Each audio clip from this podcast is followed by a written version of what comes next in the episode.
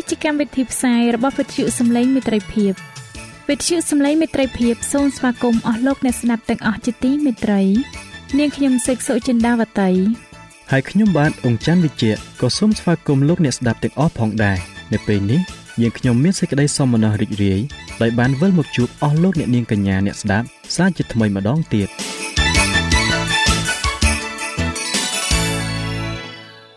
ចា៎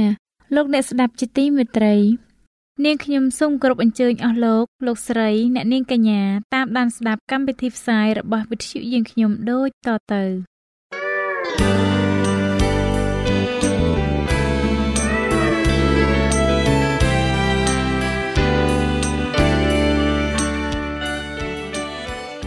ព្រះបន្ទូលសម្រាប់អ្នកនៅថ្ងៃនេះព្រះគម្ពីរអេសាយជំពូក25ខ8បានចែងថា ទ្រង់នឹងបំផ្លាញសេចក្តីស្លាប់ឲ្យសូន្យបាត់ទៅជាដរាបនោះព្រះអង្គម្ចាស់ទ្រង់នឹងជូតទឹកភ្នែកពីមុខមនុស្សទាំងអស់ហើយទ្រង់នឹងដកសេចក្តីថ្មេះតេះដៀលចំពោះរាជទ្រង់ពីផែនដីទាំងមូលចេញបាត់ព្រះអង្គម្ចាស់ទ្រង់មានព្រះបន្ទូលដូច្នេះហើយ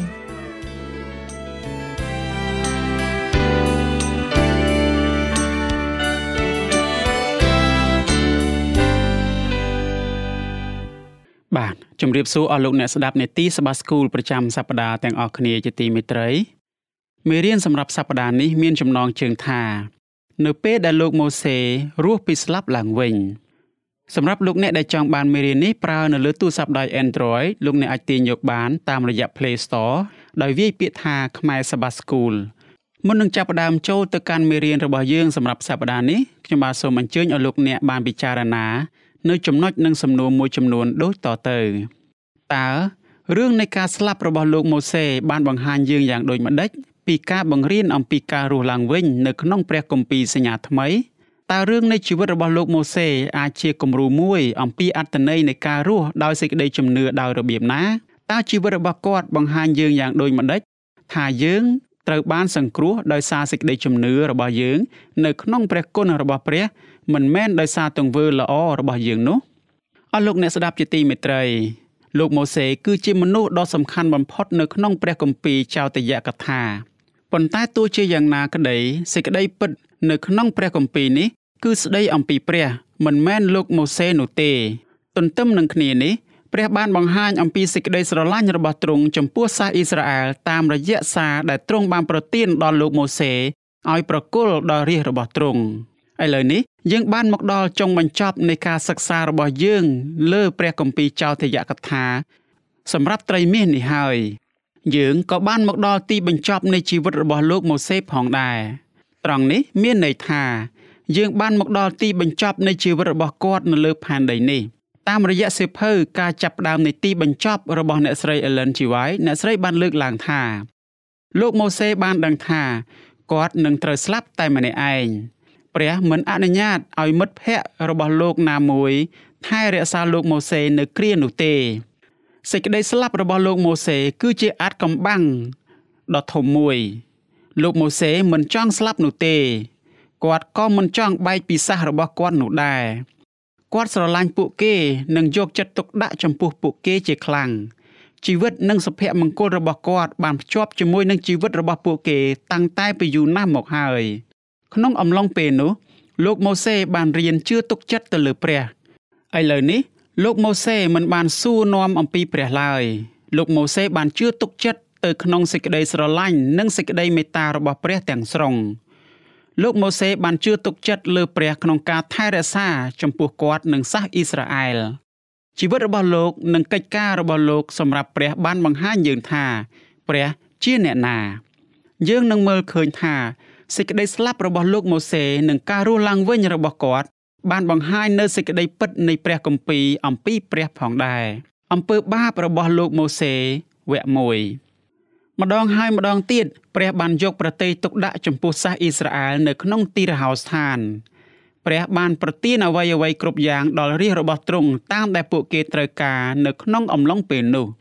ទីរហោស្ថានគឺជាកន្លែងស្ងួតហួតហែង ម្ល៉េះហើយអំណោយនៃទឹកគឺជាការអស្ចារ្យមួយ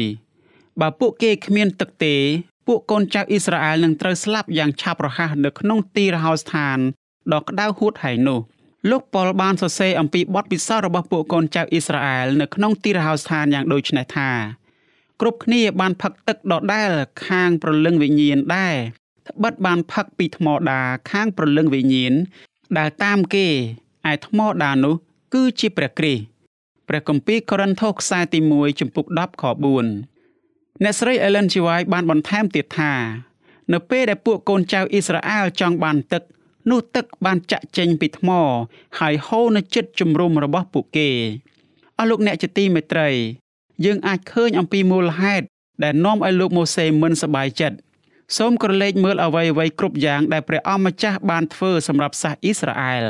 ព្រះបានធ្វើការអស្ចារ្យជាច្រើន ព្រះក៏បានប្រទានសញ្ញាដល់ពួកគេដែលបង្ហាញអំពីអំណាចដ៏ឧត្តមឧត្តមរបស់ទ្រង់ទ្រង់បានរំដោះពួកគេតាមរបៀបដ៏អស្ចារ្យបំផុតចេញពីស្រុកអេស៊ីបមក បន្ទាប់មកទៀតតើយ៉ាងដូចម្តេចទៅ នៅពេលដែលពួកគេគ្មានទឹកគ្រប់គ្រាន់ពួកគេបានបែរមកទាស់ជាមួយនឹងលោកម៉ូសេនិងលោកអេរ៉ុនដែលជាមេដឹកនាំរបស់ពួកគេទៅវិញតើពួកបណ្ដាជន បានរៀបចំផែនការនេះដោយសារតែព្រះមិនអាចប្រទានទឹកដល់ពួកគេ នៅក្នុងពេលនោះដោយដែលទ្រង់បានធ្វើកាលពីមុនឬមិនមែនទេ ព្រះអម្ចាស់អាចប្រទានទឹកដល់ពួកគេនៅក្នុងពេលនោះបានដោយដែលទ្រង់បានប្រទានដល់ពួកគេកាលពីមុនរួចមកហើយដែរសូមក្រឡេកមើលសម្ដីដែលលោកម៉ូសេបានមានប្រសាសន៍មុនពេលដែលគាត់ហៀបនឹងវាយថ្មពីរដងយ៉ាងដូចនេះថា ចូលស្ដាប់ចុះពួកបះបោអើយ តើត្រូវឲ្យយើងធ្វើឲ្យទឹកចេញពីថ្មដាននេះសម្រាប់អ្នករាល់គ្នាឬអីព្រះគម្ពីរជនកណនីជំពូក20ខ10លោកម៉ូសេខឹងដោយសារតែពួកបណ្ដាជន មានការរអ៊ូរទាំមិនចេះចប់មិនចេះហើយបញ្ហាមិនមែននៅត្រង់លោកម៉ូសេមិនសប្បាយចិត្តនោះទេ បញ្ហាគឺថាគាត់បានចាញ់កំហឹងរបស់គាត់គាត់បានបណ្ដោយឲ្យកំហឹងរបស់គាត់ដឹកនាំគាត់និងឃុំក្រងគាត់នៅពេលនោះឯង នៅពេលដែលគាត់មានប្រសាសន៍ថា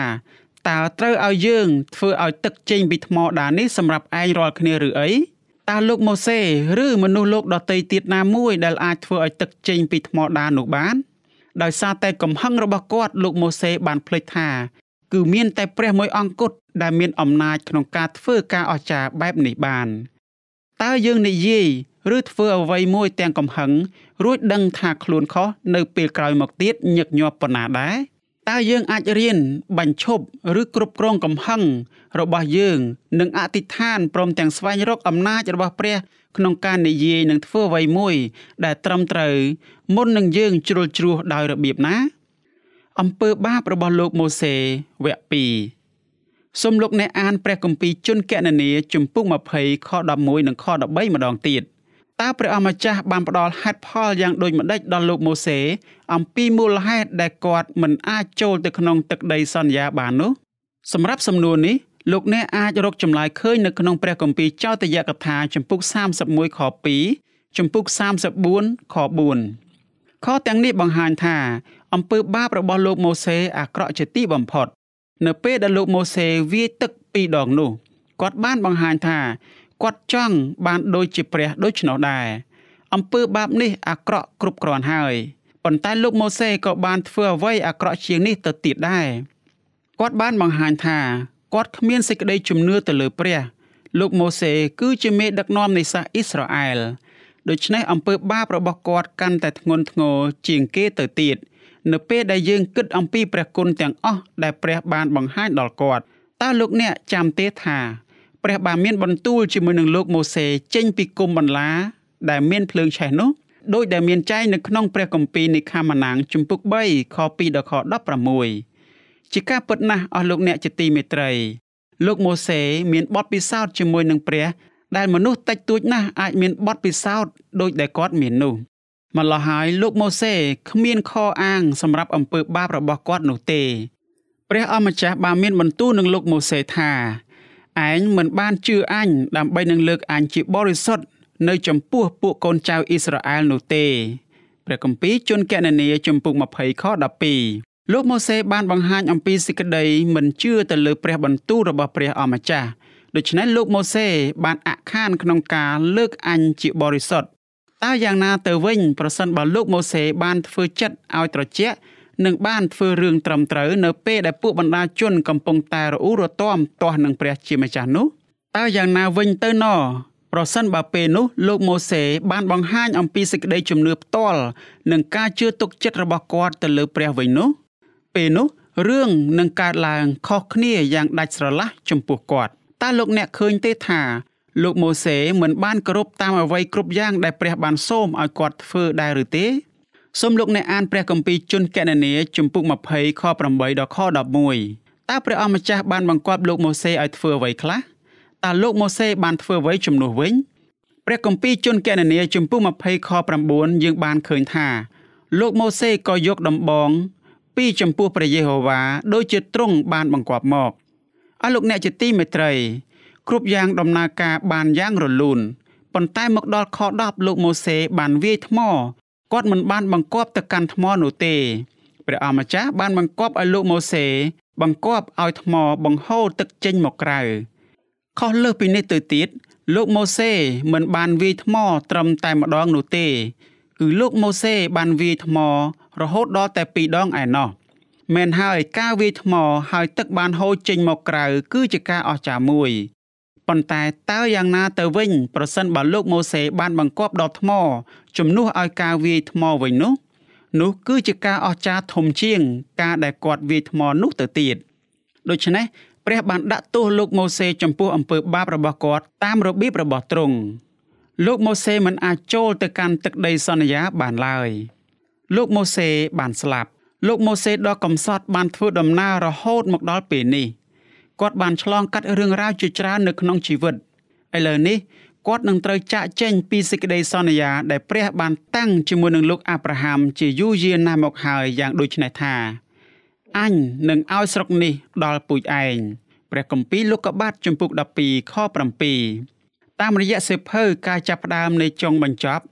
អ្នកស្រី Ellen G. White បានលើកឡើងថា លោកម៉ូសេបានគិតតែម្នាក់ឯងអំពីអ្វីអ្វីគ្រប់យ៉ាងដែលបានកើតឡើងនៅក្នុងអតីតកាលរបស់គាត់ចាប់តាំងពីគាត់បានចាក់ចេញពីស្រុកអេស៊ីបមកហើយបានជ្រើសរើសធ្វើជាផ្នែកមួយនៃរាជរបស់ព្រះលោកម៉ូសេបានគិតថាឆ្នាំដ៏យូររបស់គាត់ក្នុងការថែរក្សាវងជៀមរបស់លោកយេត្រូ នៅក្នុងទីរហោស្ថាន លោកម៉ូសេបាននឹកចាំអំពីទេវតានៅក្នុងគុំបន្លាដែលឆេះដោយភ្លើង ទេវតានោះបានបង្គាប់ឲ្យលោកម៉ូសេរំដោះសាសអ៊ីស្រាអែលចេញពីទីសភាពនៅស្រុកអេស៊ីបមកលោកម៉ូសេក៏នឹកចាំអំពីការអស្ចារ្យជាច្រើនដែលព្រះបានធ្វើសម្រាប់រាជរបស់ទ្រង់លោកម៉ូសេក៏បាននឹកចាំថាព្រះបានអត់ធ្មត់ជាខ្លាំងនៅពេលណាដែលរាជរបស់ទ្រង់បានងាកមកទាស់នឹងទ្រង់ព្រះបានបង្ហាញពួកគេនៅសេចក្តីមេត្តាករុណាជាច្រើនក្នុងអំឡុងពេលរបស់ពួកគេនៅក្នុងទីរហោស្ថាន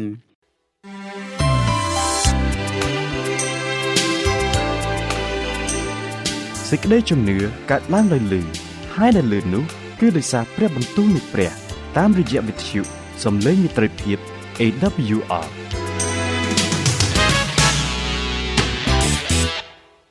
អស់លោកអ្នកជាទីមេត្រី លោកម៉ូសេបានអធិដ្ឋាន សម្រាប់ពួកបណ្ដាជនគ្រប់គ្នា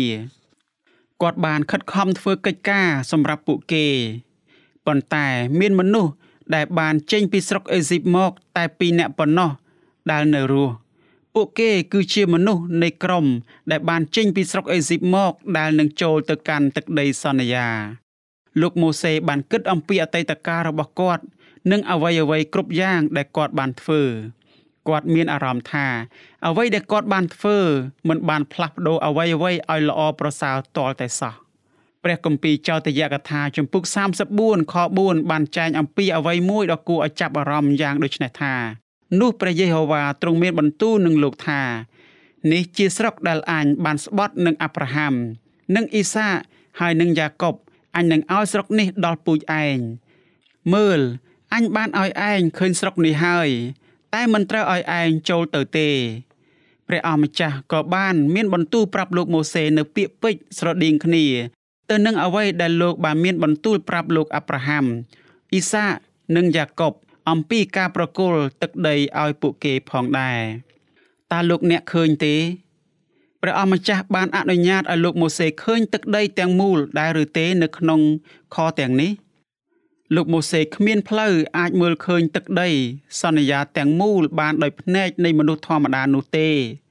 អ្នកស្រី Ellen G. White បានជួយឲ្យយល់ថា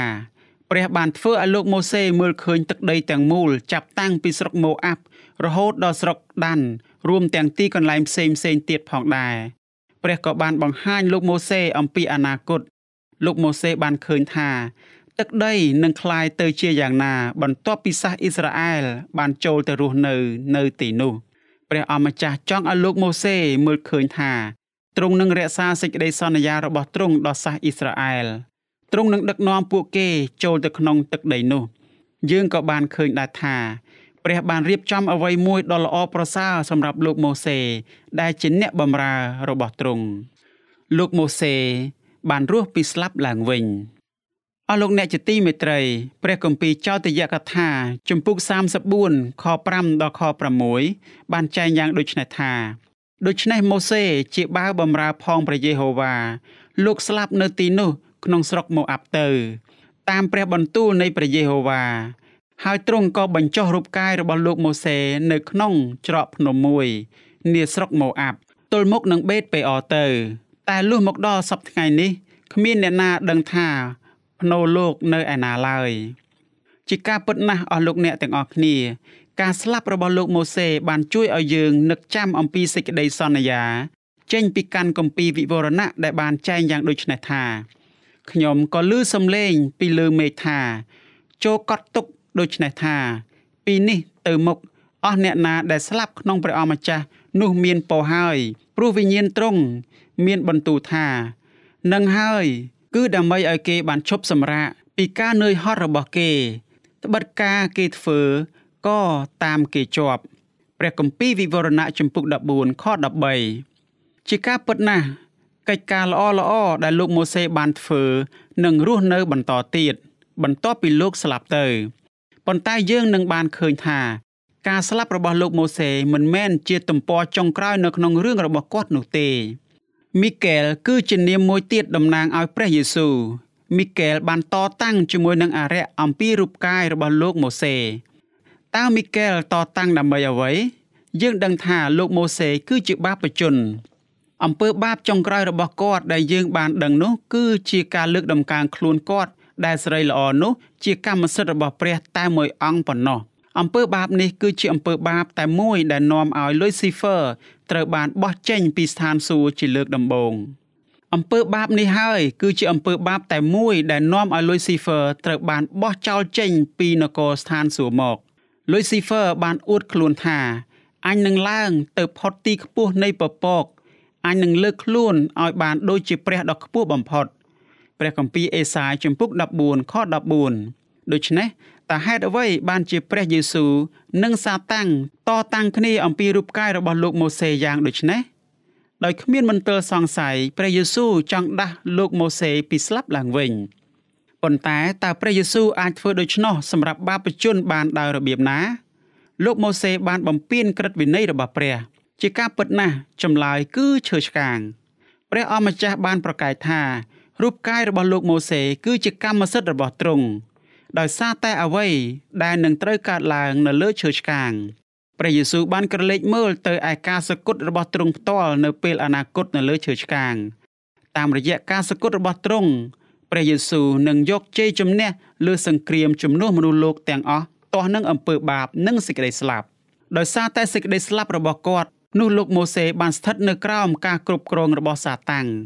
ទង្វើរបស់គាត់បានបណ្ដាលឲ្យគាត់ស្លាប់គាត់គួរតែស្នាក់នៅក្នុងភ្នូជារៀងរហូតប៉ុន្តែព្រះយេស៊ូវបានដាស់គាត់ពីស្លាប់ឡើងវិញហើយទ្រង់ក៏បានប្រទានជីវិតអស់កលដល់គាត់ផងដែរលោកម៉ូសេបានរស់ឡើងវិញនៅក្នុងសេរីល្អ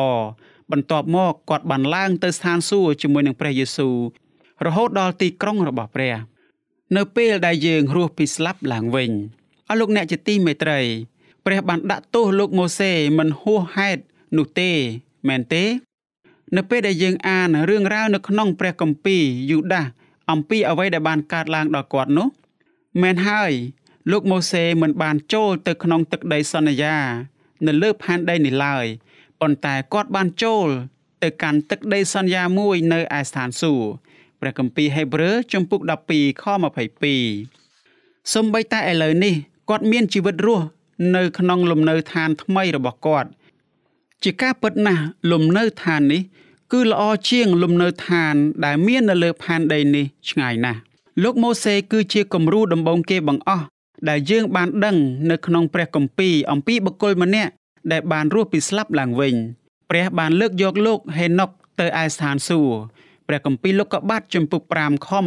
24និងលោកអេលីយ៉ាផងដែរព្រះគម្ពីរពងសាវតារក្សត្រខ្សែទី2ចំពុក2ខ11 ប៉ុន្តែបុគ្គលទាំងពីរនេះមិនទាន់បានស្លាប់នៅឡើយទេ តាមដែលយើងដឹងលោកម៉ូសេគឺជាបុគ្គលដំបូងគេបង្អស់ដែលបានស្លាប់និងបានរស់ពីស្លាប់ឡើងវិញតើលោកម៉ូសេនៅក្នុងភ្នោយូប៉ុណ្ណាដែរមុនដែលហេតុការណ៍នេះបានកើតឡើង យើងមិនបានដឹងនោះទេតើគាត់បានសម្រាកនៅក្នុងភ្នោអស់រយៈពេល3ម៉ោង ឬ3000ឆ្នាំតើព័ត៌មាននេះសំខាន់ដែរឬទេព័ត៌មាននេះមិនសំខាន់នោះទេ លោកម៉ូសេបានបិទភ្នែកសម្រាប់ទៅ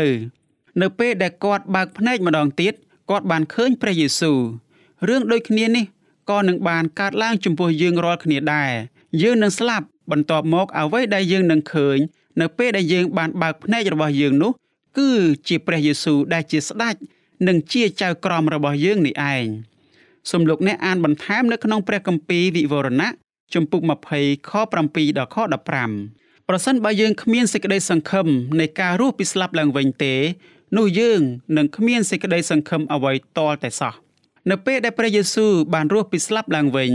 ព្រះជន្មរបស់ទ្រង់គឺជាសេចក្តីសន្យាបង្ហាញថា យើងក៏នឹងរស់ឡើងវិញផងដែរព្រះយេស៊ូវបានសម្អាតអំពើបាបរបស់យើងរាល់គ្នាទាំងប៉ុន្មានហេព្រើរជំពូក1ខ3នៅពេលដែលទ្រង់បានសគត់នៅលើឈើឆ្កាងក្នុងនាមជាកូនជាមរបស់ព្រះ បន្ទាប់មកទ្រង់បានមានប្រជញ្ញរស់ឡើងវិញនេះគឺជាមូលហេតុដែលនាំឲ្យយើងមានក្តីសង្ឃឹមសម្រាប់ពេលអនាគតខាងមុខលោកម៉ូសេបានរស់ឡើងវិញដោយសារតែអ្វីដែលព្រះយេស៊ូវនឹងធ្វើនៅពេលអនាគតព្រះយេស៊ូវបានធ្វើយ៉ាងដូច្នោះមែនហើយយើងក៏នឹងរស់ពីស្លាប់ឡើងវិញផងដែរដោយសារតែអ្វីដែលទ្រង់បានធ្វើនៅលើឈើឆ្កាងនោះរឿងអំពីលោកម៉ូសេត្រង់នេះគឺជាឧទាហរណ៍មួយអំពីរបៀបដែលព្រះនឹងសង្គ្រោះយើងតាមរយៈសេចក្តីជំនឿរបស់យើងនៅក្នុងព្រះគុណរបស់ទ្រង់លោកម៉ូសេបានរស់ដោយសារតែសេចក្តីជំនឿទោះបីជាគាត់បានធ្វើខុសនៅចុងបញ្ចប់នៃជីវិតរបស់គាត់យ៉ាងណាក៏ដោយលោកម៉ូសេបានលើកទឹកចិត្តដល់ពួកបណ្ដាជនឲ្យជ្រើសរើសជីវិតខាងឯសេចក្តីជំនឿដូចគ្នានេះតាមរយៈព្រះគម្ពីរចោទយកថាទាំងមូល យើងក៏កំពុងតែឈរនៅលើព្រំប្រទល់នៃទឹកដីសន្យាផងដែរតើយើងគួរតែជ្រើសរើសយកឯសេចក្តីជំនឿឬក៏យ៉ាងណាព្រះបានត្រាស់ហៅយើងរាល់គ្នាឲ្យរស់ដោយសេចក្តីជំនឿនៅក្នុងទ្រង់តើយើងអាចធ្វើអ្វីបានខ្លះដើម្បីឲ្យប្រកាសថា យើងនឹងមិនធ្វើកំហុសដដែលដែលបានដាស់តឿនដោយកាន់គម្ពីរចោទយកថានោះ តាមរយៈសិភៅការចាប់ផ្ដើមនៃចុងបញ្ចប់របស់អ្នកស្រី Ellen G. White អ្នកស្រីបានលើកឡើងថា នៅពេលដែលលោកម៉ូសេនិងលោកអឺរ៉ុនស្រែកឡើងថាតើត្រូវឲ្យយើងធ្វើឲ្យទឹកចេញពីថ្មដាសម្រាប់អ្នករាល់គ្នាឬអីនោះមានន័យថា ពួកគេបានព្យាយាមធ្វើត្រាប់ដូចជាព្រះដូច្នោះដែរ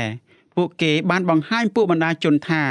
អំណាចធ្វើការអស្ចារ្យនេះ មានប្រភពចេញមកពីពួកគេ ប៉ុន្តែពួកគេគ្រាន់តែជាមនុស្សប៉ុណ្ណោះពួកគេមានសភាពកំសោយរបស់មនុស្សលោក រួមទាំងចំណង់នៃមនុស្សមានបាបផងដែរលោកម៉ូសេនិងលោកអេរ៉ុនបាននឿយហត់ហើយអស់កម្លាំងដោយសារតែពួកបណ្ដាជនមិនព្រមបញ្ឈប់ការរអ៊ូរទាំនិងការងាកបែរទាស់នឹងព្រះជាម្ចាស់សោះម្ល៉េះហើយលោកម៉ូសេបានភ្លេចព្រះនៅពេលនោះគាត់បានខកខានក្នុងការនឹកចាំថា ព្រះគឺជាអ្នកជួយដ៏អស្ចារ្យបំផុតរបស់គាត់លោកម៉ូសេបានប្រព្រឹត្តនៅកំហុសដែលនឹងត្រូវកត់ត្រានៅក្នុងប្រវត្តិសាស្ត្រនៃព្រះគម្ពីរសម្រាប់ឲ្យមនុស្សគ្រប់គ្នាបានអាននិងចេះដឹងលោកម៉ូសេបានបង្ហាញអំពីភាពកំសោយរបស់មនុស្សដោយសារតែគាត់មិនបានជឿទុកចិត្តទៅលើព្រះចេស្តារបស់ព្រះ នៅពេលនោះលោកម៉ូសេមិនបានជ្រើសរើសរក្សាចិត្តរបស់គាត់ឲ្យនៅតែបរិសុទ្ធនោះទេ គាត់មិនបានកាន់ខ្ជាប់រហូតដល់ទីបញ្ចប់នៃជីវិតខាងឯពន្ធកិច្ចរបស់គាត់សម្រាប់ព្រះអម្ចាស់នោះឡើយលោកម៉ូសេគួរតែថ្វាយស្រីល្អដល់ព្រះ និងបង្ហាញការគោរពដល់ទ្រង់ប៉ុន្តែគាត់បានចាញ់អំពើបាបគាត់មិនបានគោរពដល់ព្រះ នៅចំពោះមុខបណ្ដាជននោះឡើយលោកម៉ូសេបាននៅជាមួយនឹងលោកអេលីយ៉ានៅលើភ្នំដ៏ខ្ពស់នៅទីនោះ ព្រះយេស៊ូវត្រូវបានផ្លាស់ប្រែរហូតដល់ទ្រង់បានបញ្ចេញរស្មីដ៏ភ្លឺចិញ្ចាចនៅលើព្រះភ័ក្ត្ររបស់ទ្រង់ព្រះដែលជាព្រះវរបិតាបានបញ្ជូនលោកម៉ូសេនិងលោកអេលីយ៉ាឲ្យមកឯព្រះយេស៊ូវដែលជាព្រះរាជបុត្រារបស់ទ្រង់លោកម៉ូសេនិងលោកអេលីយ៉ាបាននាំពន្លឺនិងសេរីល្អពីព្រះវរបិតាមកថ្វាយដល់ព្រះយេស៊ូវនៅលើភ្នំលោកម៉ូសេបានអធិដ្ឋានអំពីពេលវេលានេះរាប់រយឆ្នាំមុនមកម្លេះ ឥឡូវនេះអ្វីអ្វីដែលគាត់បានអធិដ្ឋានទីបំផុតបានកើតឡើងមែនលោកម៉ូសេកំពុងតែឈរនៅលើដី ដែលព្រះបានប្រទានដល់រាជរបស់ទ្រង់លោកម៉ូសេបានពិភាក្សាជាមួយនឹងព្រះយេស៊ូវនៅទីនោះព្រមទាំងបានកំសាន្តព្រះតីរបស់ទ្រង់ផងព្រះយេស៊ូវគឺជាបុគ្គលម្នាក់ដែលសេចក្តីសន្យាទាំងអស់នៃព្រះគម្ពីរបានចង្អុលបង្ហាញប្រាប់ដល់មនុស្សលោកគ្រប់គ្នារូបភាពរបស់លោកម៉ូសេនៅត្រង់នេះ គឺជារូបភាពចុងក្រោយបង្អស់ដែលយើងបានឃើញនៅក្នុងជីវិតរបស់គាត់អស់លោកអ្នកជាទីមេត្រី ខព្រះគម្ពីរដ៏សំខាន់មួយសម្រាប់មេរៀននៅសប្តាហ៍នេះគឺព្រះគម្ពីរយូដាសខ9ដែលខនេះបានចែងថារីឯមីកែលជាមហាទេវតាលោកមិនហ៊ានប្តឹងប្រមាថដល់អរិយក្នុងកាលដែលជជែកនឹងវា ទាំងប្រកែកពីដំណើរសពរបស់លោកម៉ូសេនោះទេ គឺបាននិយាយដូចនេះវិញថា សូមឲ្យព្រះអម្ចាស់បន្ទោសឯងចុះអស់លោកអ្នកជាទីមេត្រីសូមឲ្យអត្តន័យនៃមេរៀននេះ បានជាប្រពោដល់អស់លោកអ្នកទាំងអស់គ្នា ក្នុងការចម្រើនសេចក្តីជំនឿនៅក្នុងព្រះគុណរបស់ព្រះជាម្ចាស់ហើយសូមឲ្យអស់លោកអ្នកបានប្រកបដោយព្រះពរហើយនឹងចាំយាមរហូតតតែទ្រង់យាងមកវិញជាលើកទី2នោះសេចក្តីសន្យាដែលទ្រង់នឹងដាស់អស់អ្នករាល់គ្នា ឲ្យរស់ពីសេចក្តីស្លាប់ឡើងវិញនឹងបានជារង្វាន់ដល់អស់លោកអ្នកដែលនៅតែរក្សាសេចក្តីស្មោះត្រង់ជាមួយនឹងទ្រង់ដរាបដល់ពេលនោះមេរៀនថ្មីរបស់យើងនឹងវិលត្រឡប់មកជួបអស់លោកអ្នកជាថ្មីម្ដងទៀតនៅសប្តាហ៍ក្រោយសប្តាហ៍ក្រោយយើងនឹងបន្តសិក្សានៅមេរៀនរបស់យើងសម្រាប់ត្រីមាសថ្មីសូមព្រះជាម្ចាស់ទ្រង់ប្រទានពរអាមែន